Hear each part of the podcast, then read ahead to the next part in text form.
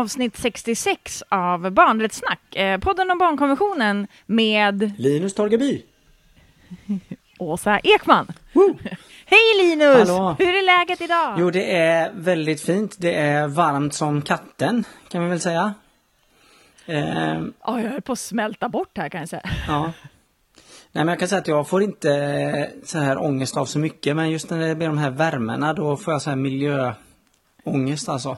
Ehm, då tänker jag, vad håller vi på att göra Ah, med våra jord? Så. Ja, ja. Ehm, Och så tänker jag att det är synd om bönderna. ja. Jag tycker mest så synd så, jag är så ego, där tänker jag mest synd om mig själv. Jag, min kropp är inte gjord för det här. Alltså typ, det går inte. Det, det, är liksom, det är ingenting i min kropp som funkar när det är så här. Nej, vi, vi, vi bor ju på en liksom fantastisk plats när det är så här och här är det ofta liksom att det ändå fläktar lite och, och det ena med det andra så att det är skönt. Men du nu, Ja, det har det inte gjort idag där jag har varit Nej. meddela. eh, du nu eh, är det snart eh, midsommar. Mm. Ja, men det är inte så många dagar kvar till Eh, det. vad, vad gjorde ni Nej. på dina barndoms midsomrar? Jag vet inte. Åt jordgubbar Ja. kanske? Alltså jag vet, nej men alltså jag... Jag har faktiskt ingen aning. Det är klart att jag, jag så försöker tänka att jag kan säga att jag har sett någon så här bild när jag var så här jätte, jätteliten, alltså typ ett par år, att typ med någon form av så krans och kanske någon stång, men, men inte sen kan jag liksom inte minnas. Jag tror inte att jag har firat så här ordentlig midsommar, vad det nu är ordentligt, men nej, men jag, gör, jag är ju ingen högtidsperson generellt. liksom. nej. Så nej, vad, vad, vad har ni för traditioner i er familj? Och liksom, är det samma som när du var barn? Eller hur, Nej. hur har ni det? Alltså, vi har ju, men det här med kransbindningen som du sa, det kör vi hårt på. Eh, ja, det, det? är väldigt roligt. Då matar man på med väldigt mycket blommor och så. Och så gör vi kransar, det är väldigt kul. Eh, och sen är det bara lite allmänt äta. Och, och sen finns det en midsommarstång som man går och dansar kring och sådär. Ehm, och, och ehm, så här, men midsommar är ju lite så här halvsvajig högtid som vissa är liksom. Det är ju den här Okej, men vad är för, vad är för Men- barnen och vad är för de vuxna och hur Exakt. kombinerar man de två? Ehm, för det finns ju också lite Midsommar känns ju som kanske den här väldigt mycket alkohol högtiden. men eller jag vet inte om det är precis, mer ja. eller mindre någon annan men eh, för vissa är det väl kanske. Ja, fast generellt känns det som att typ alla högtider handlar ju otroligt mycket om vuxnas alkohol. Ja, ja. Men jag tänker att midsommar... Ja, men jag vet inte, det känns som att ja, på ett sätt så kanske det blir ännu mer på midsommar. Alltså, jag vet inte, påsk? jag vet inte, det, men jag, jag försöker tänka, Jag kommer ju från påsk, en... vad, gör man förutom er, vad gör man förutom er på påsken och typ äta ägg eller något? Jag vet Nej, inte. vi, vi, men, vi men, kommer ja. ju, eh, eller jag kommer ju från någon slags anti-alkohol, anti-alkoholhåll liksom. Mm. Så, så, men jag menar sommaren överlag, midsommar och sommaren överlag är ju en tid när eh, alkoholkonsumtionen går upp Mm. och det finns siffror som liksom säger att ja, men, det dricks mer och dricks eh, oftare eh, och ja, men det blir en liksom tätare konsumtion och eh, som vi har pratat om så ja, men påverkar vuxnas beteenden barn. Ehm, och det gäller ju inte bara föräldrars alltså beteende gentemot sina egna Nej. barn utan det är ju ja, men att al- alkohol blir en allmän mer eh, någon, Ja, men den ja, syns ju det. mer. Liksom. Fot- alltså, det kan ju vara allt ifrån, liksom, jag tänker så här, ja men nu, nu är det liksom fotboll, Mm. mycket då sitter, alltså, sitta på uteserveringar, få, alltså, att, och det är väldigt mycket förknippat med just att folk dricker alkohol, eller jag tänker på stränderna, det ska grillas, alltså det är så mycket saker som är liksom, alltså barn exponeras ju för alkohol på ett helt annat sätt under sommaren än vad de gör under vintern i Sverige Mm. liksom. Ehm, och vi har ju haft uppe det här ehm, med ehm, inte alkohol så jättemycket men artikel 25 där alkohol på något sätt ingår men framförallt där det står också narkotika och psykotropa ämnen. Det har vi haft ett helt avsnitt om. Eh, och det var avsnitt Precis, 25. avsnitt 25. Precis, avsnitt 25, Ja. artikel 33. Precis, ja, så var det. Precis, ja. Så där kan ni lyssna på eh, när vi pratar om det. Men vi kände ändå Mm. att vi vill lyfta detta för att ehm, det är, alkohol är ju ändå den drog som på något sätt är väldigt accepterad i Sverige Mm. och som kanske påverkar flest barn. Ehm, Eller hur? Precis. Ja, men exakt. Och det finns ju då, Centralförbundet för alkohol och narkotikaupplysning har ju gjort en, eller de har gjort många olika typer av studier, men, men en så litteraturstudie typ där de har tittat på ja, massa olika komponenter. Men där i alla fall så säger de ju det, konstaterar de att det är ungefär 20 procent av barnen i Sverige som någon gång under uppväxten har haft minst en förälder med alkoholproblem. Mm. Så det är ju liksom 430 000 barn i Sverige som, som liksom som har påverkats av det här på, på olika sätt. Mm. Eh, sen finns det ju massa andra typer av studier också, som typ Folkhälsomyndigheten gjorde en studie 2016 där de säger att att 17 procent av barnen i Sverige har en förälder som har varit i kontakt med någon om sitt missbruk. Alltså typ varit på sjukhus på grund av ett missbruk eller haft kontakt med socialtjänsten eller att de har kanske dömts i domstol för rattfylla. Så att utifrån liksom den aspekten så är det ungefär var sjätte barn då som har en förälder som har varit i kontakt med någon om det här missbruket. Mm, mm. Eh, men som sagt, det finns ju jättemånga olika typer av studier eh, som tar upp det här, men det vi kan konstatera är ju någonstans att ja, men barn påverkas alltid av vuxnas alkohol. Mm, mm. Nej, och i, i och med detta så känner vi att men, vi vill prata med en person som verkligen lägger fokus på barns upplevelser kring detta. För att i, i, i debatt i debatten.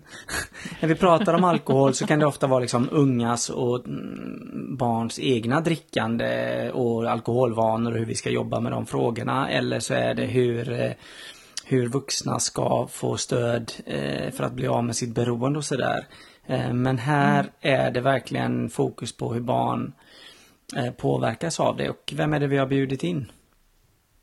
Ja, men vi har ju bjudit in Olivia Trygg Larsen som har startat eh, stiftelsen Trygga Barnen.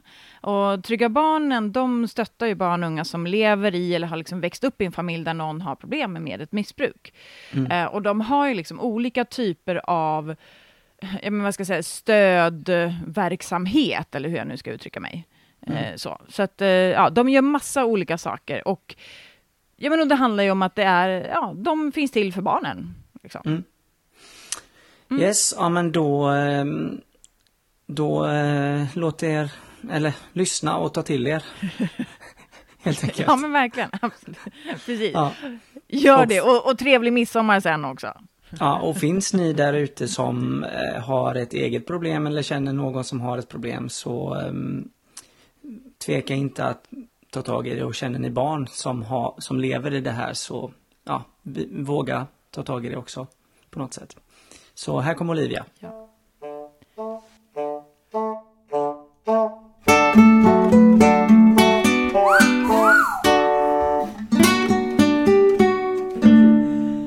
Ja, men välkommen Olivia Trygg. Vad roligt att du vill vara med. Tack så jättemycket. Eller Trygg Larsen är det ju till och med. Exakt. Exakt. Herregud, börja, det börjar bra det här. Men det är jätteroligt att du vill vara med i Barnets snack. Vi är superglada att du är här. Ja, vi, jag är så glad att få vara med. Jag har ju följt er ett tag nu och jag tycker att ni gör fantastiska eh, saker. Och du är här för att dels tänka att du har startat en superviktig organisation. Eh, det är en supertydlig koppling till barnkonventionen. Eh, det är snart midsommar, ni ordnar trygg midsommar. Alltså, det finns ju många anledningar till att du är här. Men vill du berätta något här, din koppling till barnkonventionen? Liksom? Hur, vart finns den i ditt liv eller har funnits? en väldigt stor fråga! Men också lika självklar tycker jag. Mm. Eh, eftersom jag idag driver Trygga Barnen och vi hjälper barn och unga som växer upp i familjer med missbruk. Mm. Och eh, vår viktigaste uppgift det är ju att föra fram barnens röst och se mm. till att mm. de här barnen får den hjälp som de behöver och har rätt till. Mm. Mm. Och liksom, jag tänker så här, när du startade Trygga Barnen, liksom, fanns barnkonventionen med? För det är också så här, man gör ofta saker som har med barnkonventionen att göra, men det är kanske inte alltid att den liksom är så närvarande i, liksom, i orden. Eller hur, hur har det varit, den resan? Eh, inte direkt, det var inte det första vi tänkte på att nu ska vi starta Trygga Barnen och då ska vi se till att det, barnkonventionen kommer med. Eh, men vad vi har gjort sen start är att vi till exempel erbjuder grupper där barn och unga får träffa andra i liknande eh, situationer. Och där har vi sen start haft ett tema som heter Mina rättigheter. Mm. Eh, vi har lyft barnkonventionen mm. eh, just för att barn och unga ska förstå sina rättigheter. Eh, för att vi tycker att det är såklart jätteviktigt. sitt. Eh, Så även om vi kanske inte haft det på papper sen start så har det alltid varit med. Eh, Och det varit det viktigaste för oss har varit just att driva den här barnrättsfrågan. Att det är barnens röst eh, som lyfts på agendan. Ja, och att de liksom har rätt till stöd, att man använder det. Liksom, det handlar om en rättighet att faktiskt få det här stödet. Liksom. Exakt, och en av våra största utmaningar idag med den problematik som vi möter, det är ju att det finns stöd ute i landet. Lagen säger att de här barnen ska få rätt till information. Men eh, utmaningen är ju att det inte funkar. Eh, en av anledningarna till att Trygga Barnen grundades från början, det var ju att vi skulle vara ute och tala om problematiken och lyfta frågan. Eh, och ta bort tabun som många av de här barn och unga känner. Och sen när barn och unga skulle komma i kontakt med oss så skulle vi se till att de hamnade ute i kommunen där de bor eller vad det nu kan vara. Men vi märkte fort att eh, om vi slussade ett barn vidare så var det ingen som svarade. Eller det fanns grupper men det fanns inga ledare. Eh, så att vi kunde aldrig eh, eh, det var svårt för oss att slussa barnen vidare. Just för att eh, förtroendet för oss eh, sjönk ju om det inte var någon som svarade på andra Exakt. sidan. Eh, och vi vill ju att barnet ska få rätt Ja. stöd och hjälp. Ja, precis. Ja. Men ehm, jag tänkte på det här, nu har vi sagt problematik och stöd till någonting. Vad är det för problem vi har här? Kan, vi beskri- kan du beskriva problematiken lite grann? Absolut. Trygga Barnen hjälper ju barn och unga som eh, upp till 25 år som växer upp i en familj med missbruk. Och när vi pratar om missbruk så pratar vi egentligen om alla typer av missbruk. Eh, men i, från start så var det mycket fokus på alkohol. Eh, men vi möter ju många barn med andra typer av missbruksproblematik i familjen också. Eh, och när man tittar just på alkoholstatistiken, som det egentligen finns mest siffror på, så visar det just att 320 000 barn idag i Sverige far illa av vuxnas drickande. Och då är det fler som lever i familjer där det kanske dricks för mycket men att det är de som far illa är 320 000. Exakt, Ja, ja. exakt. Och lägger man eh, till andra typer av missbruk också så är det ju väldigt många barn. Eh, man brukar säga att det är ungefär 3-4 barn i varje klass när det handlar just om eh, barn som har påverkats av vuxnas alkohol eh, eller av, av drickande. Mm. Mm. Men vad, vad innebär det för ett barn eh, att en förälder har ett missbruksproblem eller alkoholproblem? Kan du berätta lite om, om man tar en generell bild? Det är klart att det ser jätteolika ut men, men kan du säga någonting om vad det är, hur påverkar det ett barn? Ja men framför allt många av de barn och unga som vi möter, varför de tar i kontakt med oss, det är för att de känner en stor skam och skuld. Oftast i tron att de är ensamma i sin situation.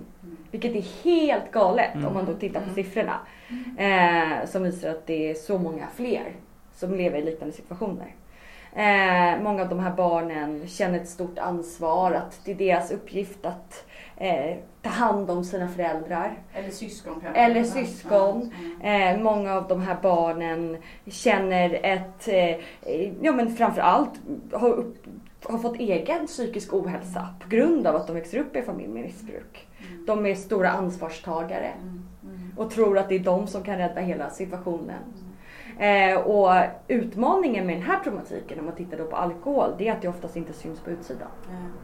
Så att det är svårt att kanske som barn själv inse vad är det som händer hemma.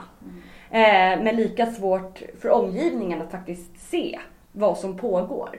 Eh, eftersom eh, ett alkoholmissbruk kommer smygandes. Eh, och de finns i, ett alkoholmissbruk finns i Ja, men i alla kommuner, i både eh, socionom utsatthet men också i andra typer av, av ja, men, kommuner Ja, men är där det liksom, finns... Missbruk gör liksom inte skillnad på person utan vem som Nej. helst kan ju liksom hamna i... Ja. Exakt. Eh, och det är ju det som är en utmaning. Eh, men det är också en stor frustration tycker jag. Eftersom det är så många som är drabbade. Och den största känslan som många barn känner är just den här ensamheten. Som också hindrar dem från att faktiskt söka eh, stöd. Eh, Ja men bara det att du behöver liksom fatta att det är ett problem att det här är något, alltså innan du ens söker stöd. Så det, liksom, det finns ju så många säga, hinder för barnen innan de kan komma till er till exempel eller till en kommun där de kan få det stödet som de faktiskt har rätt till och behöver. Liksom. Exakt och ofta så vet de inte alltid vad, här, vad är felet. Du vet, varför blir min pappa förändrad eller varför bråkar mamma och pappa så mycket. Eh, att oftast tar det lång tid för dem att förstå att det kanske är alkoholen som är problematiken i familjen. Eh, som gör att eh, familjesituationen ser ut på ett visst sätt just nu. Just för att alkohol är ett självklart inslag i vår vardag. Ehm, och det är det som, ja så pratar vi inte om det negativa. Eh, jag vet bara med, mig själv, jag växte upp med en pappa som blev alkoholist. Och det tog ju lång tid att förstå att det var pappas, alltså hans humör förändrades på grund av alkoholen. Bara att förstå det tog jättelång tid. Och sen att acceptera att han var alkoholist, det tog ännu längre tid. Mm. Och det var inte förrän jag accepterade det som jag egentligen kunde ta emot stödet och hjälpen. Eh, för att själv bearbeta min egen uppväxt. Mm. Ja men om man tänker så här, nu är det ju liksom väldigt snart midsommar. Det är ju som du säger, det är verkligen en sån typ högtid där det är så accepterat att vuxna liksom ska dricka alkohol av någon anledning. Så är det liksom mer norm att vuxna ska dricka alkohol på midsommar än inte. Och då tänker jag liksom så här, ja men för ett barn då, när är det liksom, eller så här, jag upplever kanske att vuxna så här, ja men en öl, vad är det för problem? En snaps. Alltså när är det ett problem för barnet? Liksom, vad berättar barnen för er? Liksom?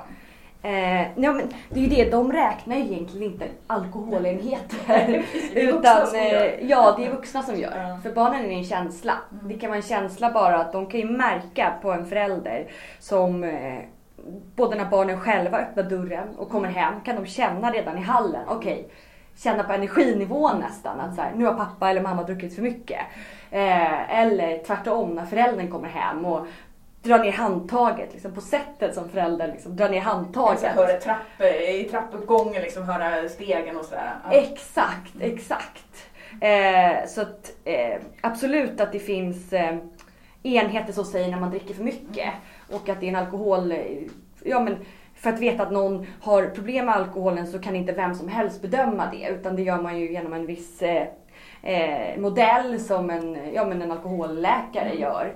Eh, så okej, ta bort det, förlåt. Ja, Vi tar bort det, jag bara känner att jag fladdrar Ja, på nej, nu. när, Men- när berättar barn att det är? Vem är det som definierar när det är ett problem? Liksom? När vuxna dricker till exempel på midsommar. Vem definierar det?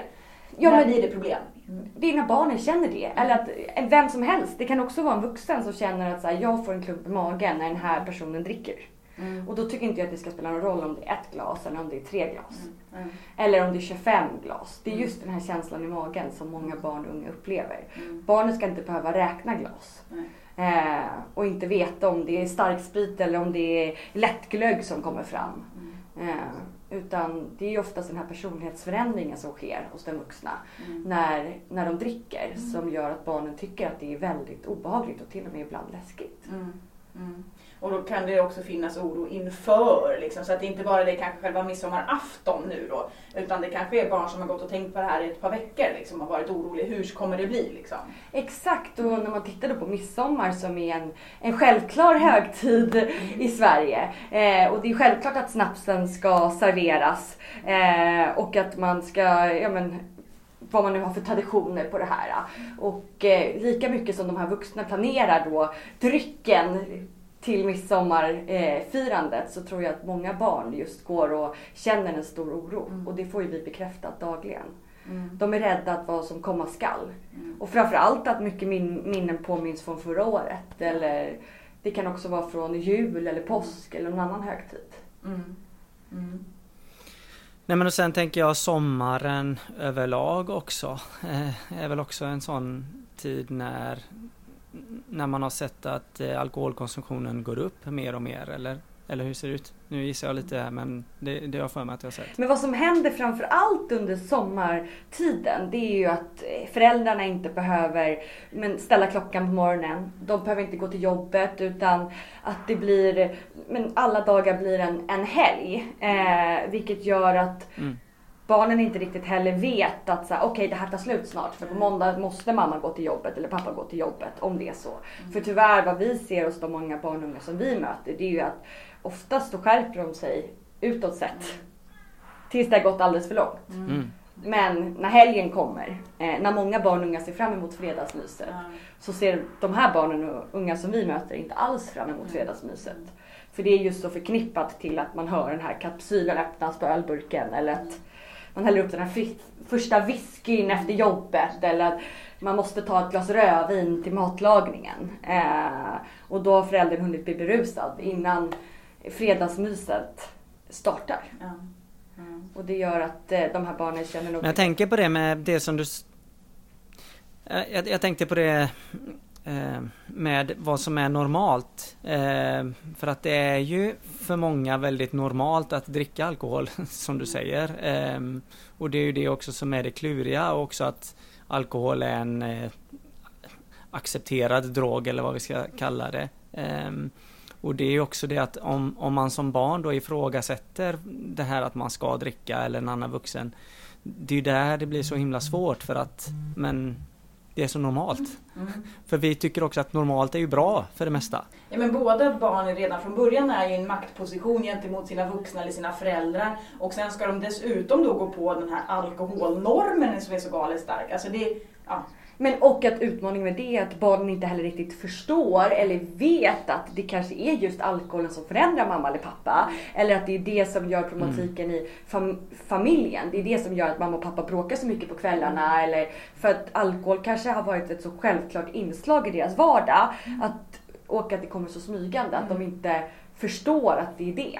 Eh, för att vi inte heller pratar om i vårt samhälle att alkohol kan vara ett problem utan det är så svart eller vitt. Just det här att själv, alkohol är så självklart. Det ska finnas på alla högtider, det ska finnas på fredagen och det är trevligt att nu så är sommaren här, nu ska vi tända grillen och då är det självklart att man ska öppna, men dricka en öl till det med grannarna eller vad det nu kan vara. Eh, och samtidigt så när man pratar om alkoholen som någonting negativt, ja men då pratar man om den här alkoholisten på parkbänken. Vilket gör att många av de barn och unga vi möter de ser inte den alkoholen, alko, alkoholisten på parkbänken som sin förälder. Och därför tror de att aha, det här är normalt. Ja, men varför mår inte jag bra i det? Ja. Eh, Och då när ni startade då liksom, ni bestämde nu ska vi starta Trygga Barnen. Hur liksom, alltså hur har mottagandet varit? För jag tänker det är säkert en dubbelhet i det där. Att å ena sidan så är det liksom barn som verkligen bara äntligen får det stödet och liksom får massa kunskaper och sådär. Och samtidigt tänker jag att det också kanske finns ett motstånd från vuxna i form av att Nej, men det här behövs inte, liksom hela den. Eller hur liksom, eller är jag bara inbillar mig att det kanske är ett motstånd? Eh, nej men vi vill ju, alltså Trygga Barnen vill ju finnas där för barnen och vi vill ju vara den här trygga vuxna som många barn saknar idag. För även om det bara är en familj som har ett missbruk så försvinner ju oftast den andra föräldern in i ett medberoende. Eh, och oftast är så upptagen i sig själv eh, vilket gör att de här barnen ja, men de försvinner. Och då vill vi gå in och, och ta barnen i handen och just se till att deras röst hörs i frågor som rör dem. Och eh, jag tycker att eh, vi har bemötts väldigt bra.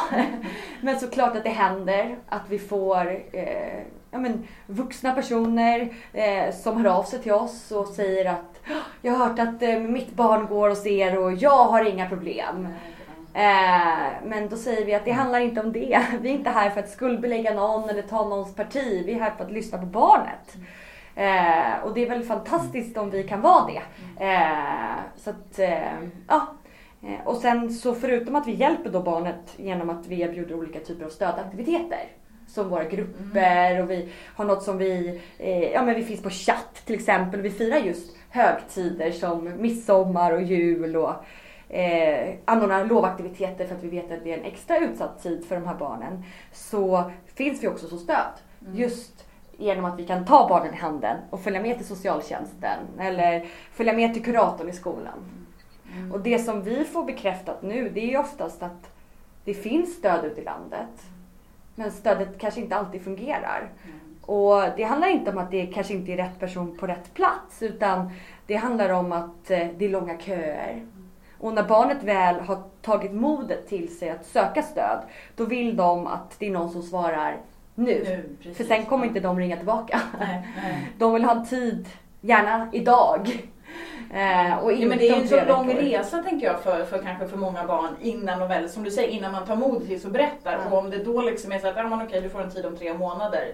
Ja. Vad ska jag göra på de tre månaderna liksom? Mm. Och det som också är Trygga Barnens styrka, det är ju angående den här skammen. Det är ju att även om det är så många barn och unga idag som lever i problematiken så pratar de inte ens med sina klasskompisar. Även om jag vet att det finns flera i varje klass. Mm. Och då genom att trygga barnen, vi som möter barnen, har själva egna erfarenheter, bearbetade erfarenheter, så kan vi vara det här första steget. Att få barn att öppna upp sig. Eh, och det gör vi då bland annat genom skolföreläsningar där vi går och berättar vår egen historia och pratar just om barnkonventionen och vad man har för rättigheter. Just för att vi, vi vet hur viktigt det är att vara det här första steget. Vad är responsen från barnen när ni är sådär äh, ute och, och föreläser? Eller digitalt gör ni väl nu antar jag? Exakt, nu är det digitalt till mesta del. Den är ju fantastisk. Eh, faktiskt eh, digitalt, då får vi ju frågorna rakt på. Vi kan få flera hundra eh, frågor på en, men en klass på 30. Eh, Medan digitalt, eller medan fysiskt, där är det lite mer avvaktande. Men däremot vad man ser det är ju att vi pratar ju väldigt mycket om det här att eh, vi riktar fokuset mot att du som kompis är viktig i det här. Just för att alla ska känna sig eh, sedda i vår föreläsning. Att det handlar inte bara om, förstå mig rätt nu, de här tre eller fyra eller fem eller sex som är just i den här klassen. Alla känner någon liksom. Ja, exakt. Och att det inte heller ska vara, "Ha, vem kan det vara? Är det grannen till höger, eller vänster? Utan mer, hur kan jag vara en bra kompis? Om någon kommer öppna upp sig för mig eller om jag ser något, vad ska jag göra? Och hur känner jag mig trygg i om någon kompis berättar att den har det jobbigt hemma? Men också självklart riktat till barnet. Vad vänder jag mig? Och just vad är en trygg vuxen? Har jag någon trygg vuxen i min omgivning som jag kan vända mig till om jag har det tufft hemma? Eh, och vi märker ju att genom att vi är ute och pratar så är det ju många barn och unga som hör av sig. Som säger just det att hade inte ni varit här så hade jag nog aldrig förstått att det är det som är problematiken hemma hos oss. Och då hade jag inte vågat ta steget att söka stöd. Och jag hade kanske inte gått till kuratorn i skolan för det känns lite för nära inpå. Men genom att de kan prata med oss eh, så kan vi som ett första steg finnas där. Och sen ett andra steg till exempel ta dem då till kuratorn i deras skola eller vad det nu kan vara för stöd de behöver mer. Jag, jag tänkte på det du sa med symptom och konsekvenser som, som du fick och som också säkert många andra barn får på olika sätt och som då påverkar möjligheten att få rättigheter tillgodosedda och det kan vara att man inte kanske klarar av skolan eller familjen har dålig ekonomi eller vad det är. Ehm, Hur påverkar det ett barn? Du sa lite om skam och skuld men vad händer mer för barn som, som ehm, eh, lever i en sån här situation? Eh, ja, det? absolut. absolut. Eh, det är det som är lite sorgligt. Att får inte de här barnen rätt Mm. hjälp och stöd i tid så finns det risk att de till exempel själva ut, eh, eh, får ett eget missbruk när de växer upp. Eh, de, det finns en viss procent som inte går ut grundskolan med, med fullständiga betyg. Eh, de hamnar snett på andra sätt i samhället och eh, vi ser också att de får en egen psykisk ohälsa. Och det möter vi barn och unga redan i tidig ålder som har utvecklat både ätstörningar, eh, inte bara oro och ångest, men självskadebeteenden som de inte skulle ha haft om de inte hade vuxit upp i en familj med missbruk. Och därför är det lika viktigt som att ge barnen stöd när de väl öppnar upp sig. Lika viktigt är det att förebygga. Och det tror jag att man kan göra i väldigt tidig ålder. Alltså redan i förskoleklass. Eh, för att de här barnen ser ju och, och hör eh, mycket mer än vad vi vuxna tror. Men utmaningen är att de har ju svårt att sätta ord på det. Och det är där vi vuxna måste komma in och hjälpa dem. Så att de vet vad deras Ja, rättigheter är och eh, vet hur de, ja, vad, vad som är sunt och inte sunt helt enkelt. Och jag tror att det handlar om att lita på sin magkänsla där jättemycket. Känner man att det är något som inte stämmer, då ska man få hjälp med det. Och jag tänker så här, ni liksom, alltså, så här, barn har ju rätt till stöd. Eh, det är egentligen kommunernas ansvar, eller regionernas liksom. Eh, men då tänker jag att det är ju någonting som kanske då, som du sa tidigare, att det kanske tar för lång tid eller köer. Så vad är det då liksom mer än till vad är det ni ger som inte det offentliga liksom klarar av då? Är det, är det så vi ska tolka det? Eller hur ska jag liksom... Förstår du vad jag är ute efter? Ja, jag förstår, jag förstår. Alltså den största utmaningen är väl egentligen om man kollar då på barnkonventionen. Det är ju att stödet ser otroligt olika ut. Att bor du i en, en stad så får du ett visst typ av stöd och bor du i en annan stad så får du ett annat typ av stöd och bor du i en tredje stad, stöd, stad så kanske du inte får något stöd alls för att det inte finns. Och det är väl vår största utmaning. Och jag tycker inte att det ska spela någon som helst roll om du bor i en storstad eller om du bor på landsbygden. Du ska ha samma rätt till stöd om du växer upp i en familj med missbruk. Mm. Eh, och sen då vad Trygga Barnen gör det är ju att vi fungerar som en länk Mm. mellan barnet och stödet. Just för att tittar man på rapporter som finns eller frågar man barnen så säger de just det att de hittar inte stödet. Mm. De vet inte var de ska vända sig. Och mm, begreppet psykolog, kurator, socialtjänst, det är läskigt. Mm. Vad innebär det? Innebär det då att eh, ja, men mamma och pappa får veta att jag har gått hit i ett första skede? Eller kommer socialtjänsten, socialtjänsten plocka bort mig hemifrån? Kommer inte jag få bo med mamma och pappa för att jag ber om hjälp? Eh, men vad vi också får höra om till exempel socialtjänsten det är ju att eh, barnen saknar information. Mm. Mm. Det är inte kanske Att att det är det det handlar om i första hand. Du måste få liksom info för att ens veta vad det är för stöd du kanske behöver. Ja, exakt. Att de vet inte. Eh, Okej, hör jag mig till socialtjänsten, vad händer då? Ja, ja. Och även många av de barn och unga som vi möter idag som är i kontakt med socialtjänsten. Eh, de vet inte vad som sker. De vet inte vad nästa steg är. Och sen är, har det ibland kanske till och med blivit sämre. Och så går de hem och så vet de inte om socialtjänsten jobbar med ärendet eller inte. Eh, och det tycker vi är en jätteutmaning. Men där vill ju vi då finnas och vara den här trygga handen och se till att, men då pratar vi, då kan vi se till att vi samlar in den informationen som de här barnen och unga behöver. Ja men precis, för det tänker jag ni finns ju ändå, ni har de här trygga hjältarna som finns runt om i landet. Liksom. Det är, kan man se det som att det är ett sätt att liksom komma emot, alltså komma ifrån det här problemet att det ju faktiskt är, ser väldigt olika ut. Exakt, så det är därför vi startade projektet Trygga hjältar. Eh, som är till just för att verka lokalt. Och vara som en, en länk just mellan stödet och barnen lokalt. Men också vara ansiktet utåt i den kommunen som barnet bor i. Och hur många kommuner finns ni i? Liksom? Typ på ett ungefär. Alltså jag tänker, finns ni liksom från norr... Jag vet att ni finns i Kiruna till exempel. Ni finns, ni finns ju liksom på väldigt många olika platser liksom. Men täcker ni typ stora delar av Sverige eller hur ser det ut? Ja, vi är på god väg att göra Ja. det och vårt mål är att i- nästa år finnas i Sveriges alla regioner. Eh, och i dagsläget så finns vi i flera kommuner i några regioner och framförallt så har vi startat upp våra två första lokaler utanför Stockholm. Så nu finns vi i Kiruna där vi faktiskt har en lokal där vi erbjuder något som vi kallar för tryggt häng eh, bland annat. Men också i Kungsbacka. Just det, det har jag sett också. Ja. Exakt! och tanken är att vi ska finnas i fler kommuner. Och tanken är då inte att finnas i de kommunerna där stödet fungerar bra. Utan att vi ska fånga de kommunerna där stödet kanske inte fungerar så bra. Mm. Ehm, Mm. Och vad är egentligen då ett bra stöd till ett barn? Alltså vad är, om man säger det, det optimala stödet, hur ser det ut egentligen? Finns det något sånt? Jo, men det skulle jag säga. Det är ju när barnens eh, rättigheter blir eh, tillgodosedda. Eh, och där de verkligen får stöd som de behöver. Och eh, ja, som de är i behov av. Eh, och det är svårt att säga att ja, det här stödet behöver alla barn och unga som växer upp i familj med missbruk. Men däremot vad vi ser det är att barnen behöver för det första förstå att de inte är ensamma. Genom att träffa andra i liknande situationer. Eh, och sen så behöver de få rätt till information om vad som pågår i processen, om de till exempel är i kontakt med socialtjänsten. Sen så anser vi att eh, de behöver kunskap och förstå just att det inte är mitt fel att min mamma eller pappa dricker för mycket. Eh, och att eh, det är en sjukdom och att jag har rätt att må bra fast att andra mår dåligt till exempel.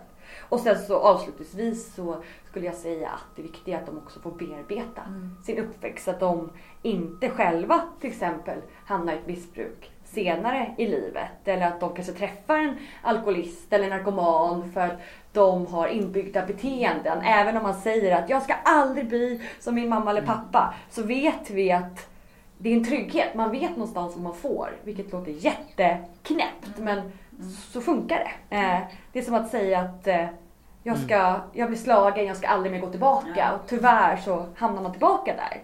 Och det gäller att bearbeta det här så att man inte hamnar där igen. Mm. Hur tänker ni? jo, nej men absolut.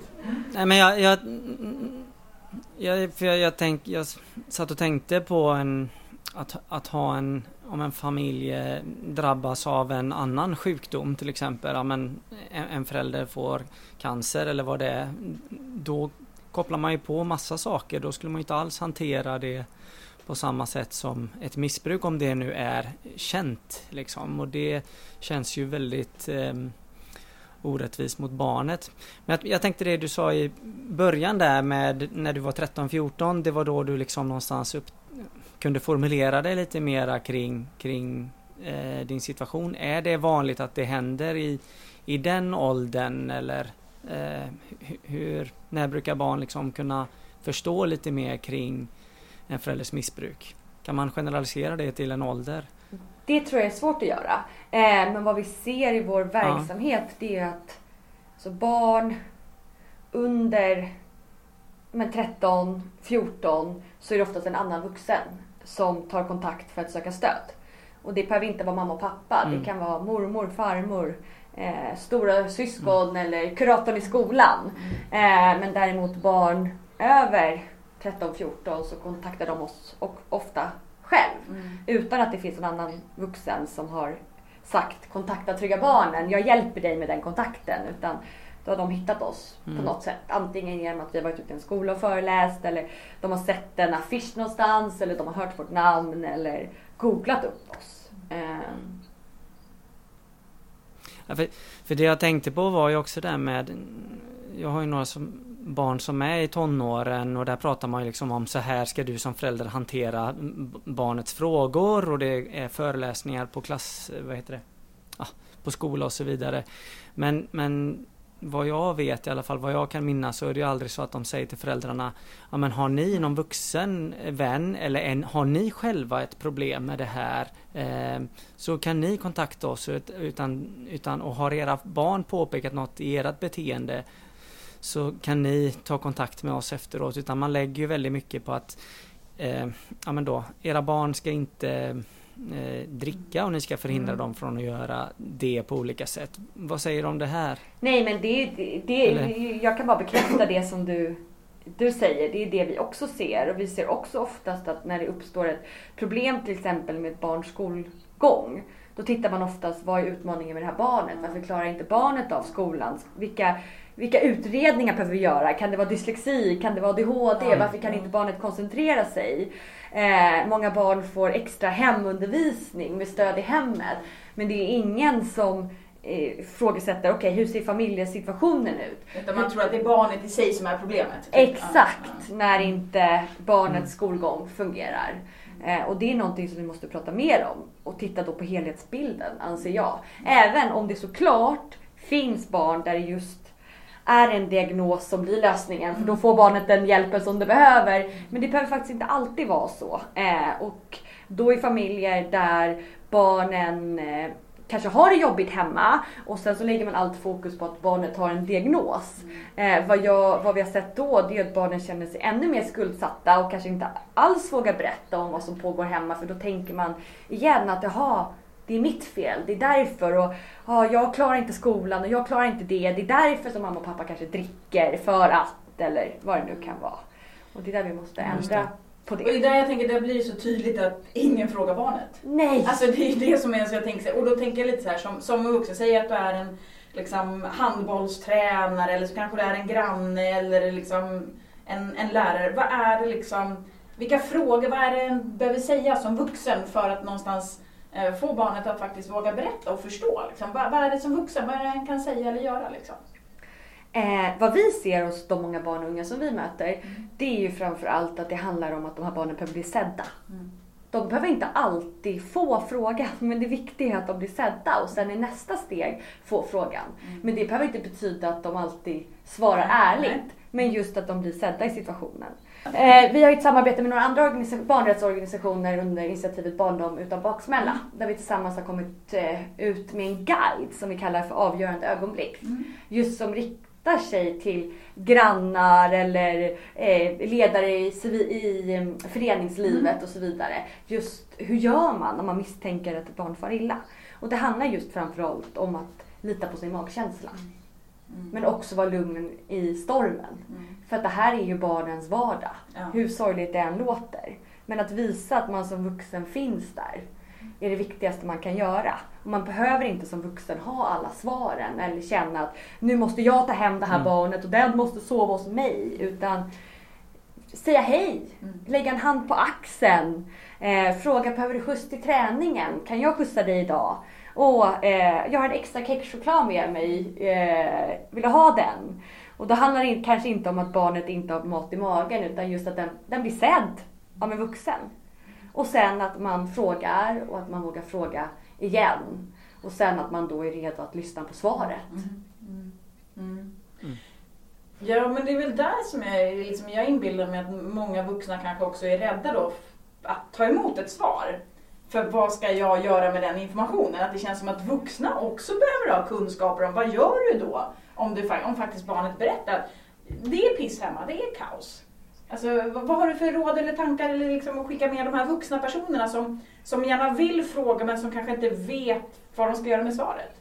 Och det är där jag vill skicka med att man inte behöver vara rädd för det. För man behöver inte ha svaret. Det viktiga man kan vara det är att vara just den här trygga vuxna för det här barnet. Att vara sig själv. För barnet ser ju och märker ju om man försöker vara någon som man inte är. Och man behöver inte ha alla lösningar på en gång. Tvärtom. Man ska vara lugnet i stormen. Eh, och känner man osäker, okej vad gör jag nu? När jag misstänker och har fått veta någonting om det här barnet och man inte vet hur man ska gå vidare.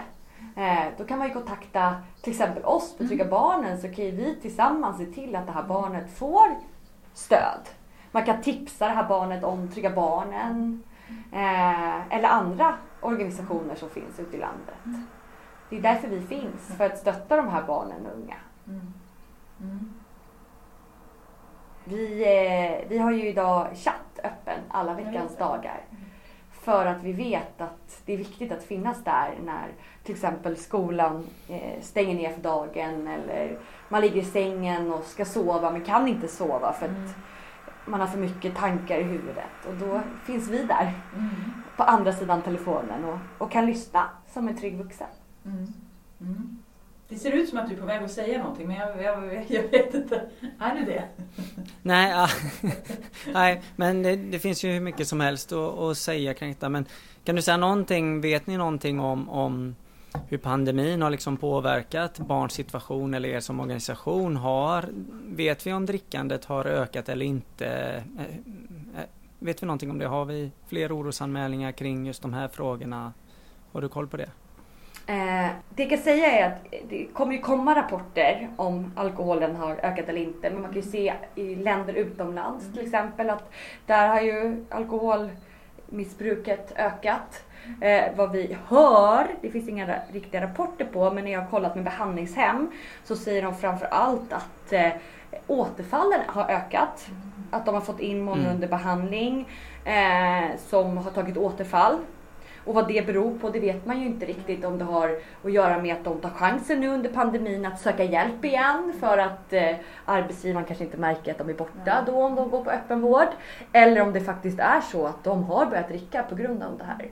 Men det man bara kan tänka och se över stort det är ju att arbetslösheten kommer ju tyvärr bidra till konsekvenser. Det har man ju sett tidigare genom åren när arbetslösheten har ökat.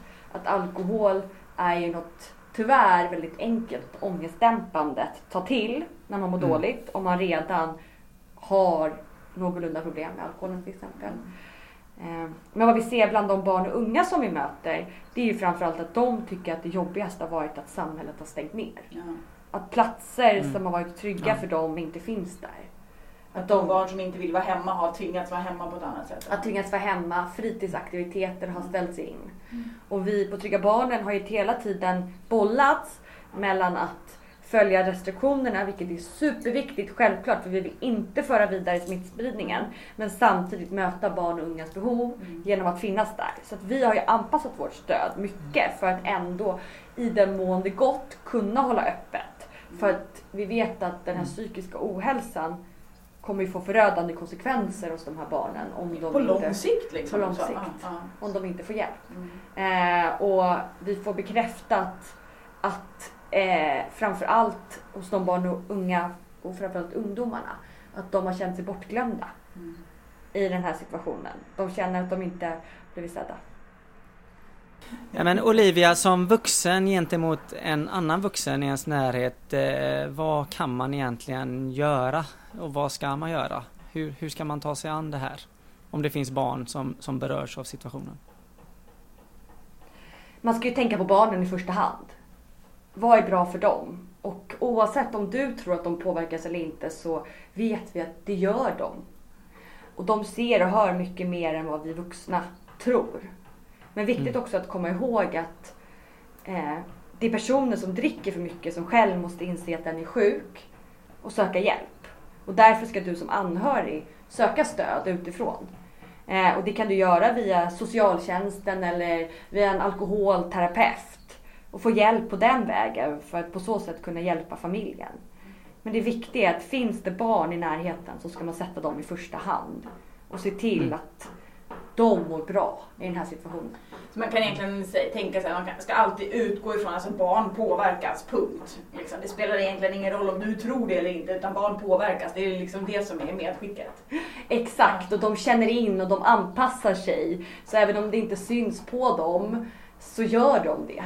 Eh, och det är det vi måste hjälpa dem att hindras ifrån. De ska inte behöva gå igenom en sån här situation helt enkelt. De ska inte påverkas av att någon annan dricker för mycket. Och hur kan man då skapa nu? För nu är det, så här, nu är det midsommarvecka.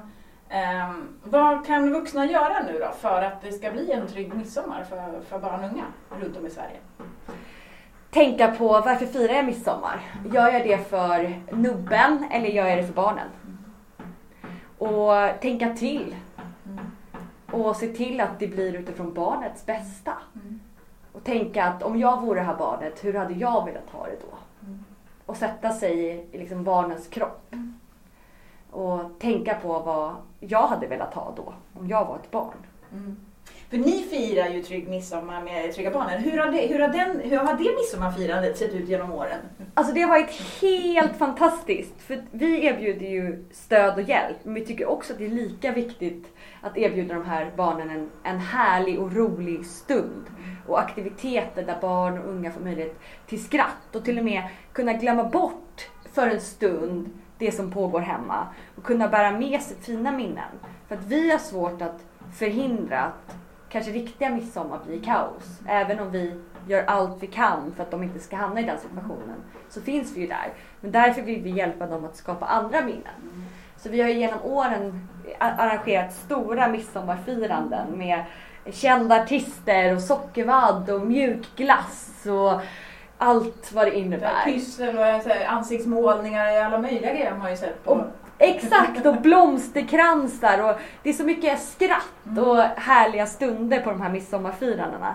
Eh, vi har ju barn, även om vi har arrangerat i Stockholm tidigare så har vi haft barn som har åkt från andra delar av landet någon gång just för att få möjlighet att medverka. I år så ser situationen annorlunda ut, tyvärr. Eh, så därför arrangerar vi mindre midsommarfiranden men på flera dagar. Ja. För att ändå kunna möta barn och unga så att de får möjlighet till en rolig och härlig stund just för skratt med nyktra och närvarande vuxna. Mm.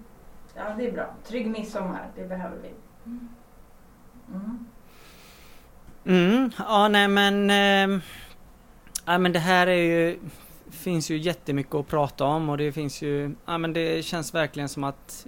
Eller jag hoppas att vi hamnar på en ny plats där det inte blir den här eh, liksom tråkstämpeln på någon som ifrågasätter alkohol och där man på något sätt verkligen klarar av att göra det som du sa Olivia, att sätta barnen först och främst och också som du sa, ja men försök att tänka dig in i barnets situation. Vad hade barnet tyckt var rolig och rimlig sommar eller midsommar eller helg, alltså när som helst så. Det, det tycker jag känns, ja, om vi kan få till det så, så kan vi hända mycket så. Mm. Mm. Är det någonting annat som, jag tänkte, som du tänker att men det här är viktigt för liksom, lyssnarna att eh, bära med sig? Eh, ja, det finns ju mycket. Men det, framför allt tror jag att det handlar om att även om du som lyssnar här ute inte själv har egen erfarenhet från problematiken eller vet om någon just nu som, som drabbas så vet jag tyvärr att du kommer stöta på barn och unga som växer upp i de här förhållandena. Och även om du inte tror det så att det är just de här barnen som står framför dig på din fotbollsträning eller vad det nu kan vara, eller i din barns klass. Så kan det vara en liten flicka eller en pojke eller eh, ett litet barn där ute som faktiskt far illa. Och det viktiga där är att du vågar vara en trygg vuxen. Och att man faktiskt vågar se alla barn och unga. Och att vi vuxna lyfter blicken och bara tittar barn i ögonen och säger hej. För att det där hejet, även om du vet, inte då, inte vet just då att det kanske är avgörande, så kan det faktiskt vara det. Mm. Mm. Så se barn är egentligen, börja där, se barnet och sen liksom. Och det låter kanske klyschigt att så här, vi ska se barnen. Men det är inte det. För att det finns en rädsla i vårt samhälle att våga se problem. Och det måste vi ta bort. Eh, mm. Och genom mm. att vi vågar prata om det så är det ett första steg. Att få de här barnen att eh, förstå att de inte är ensamma och att det finns hjälp att få. Mm.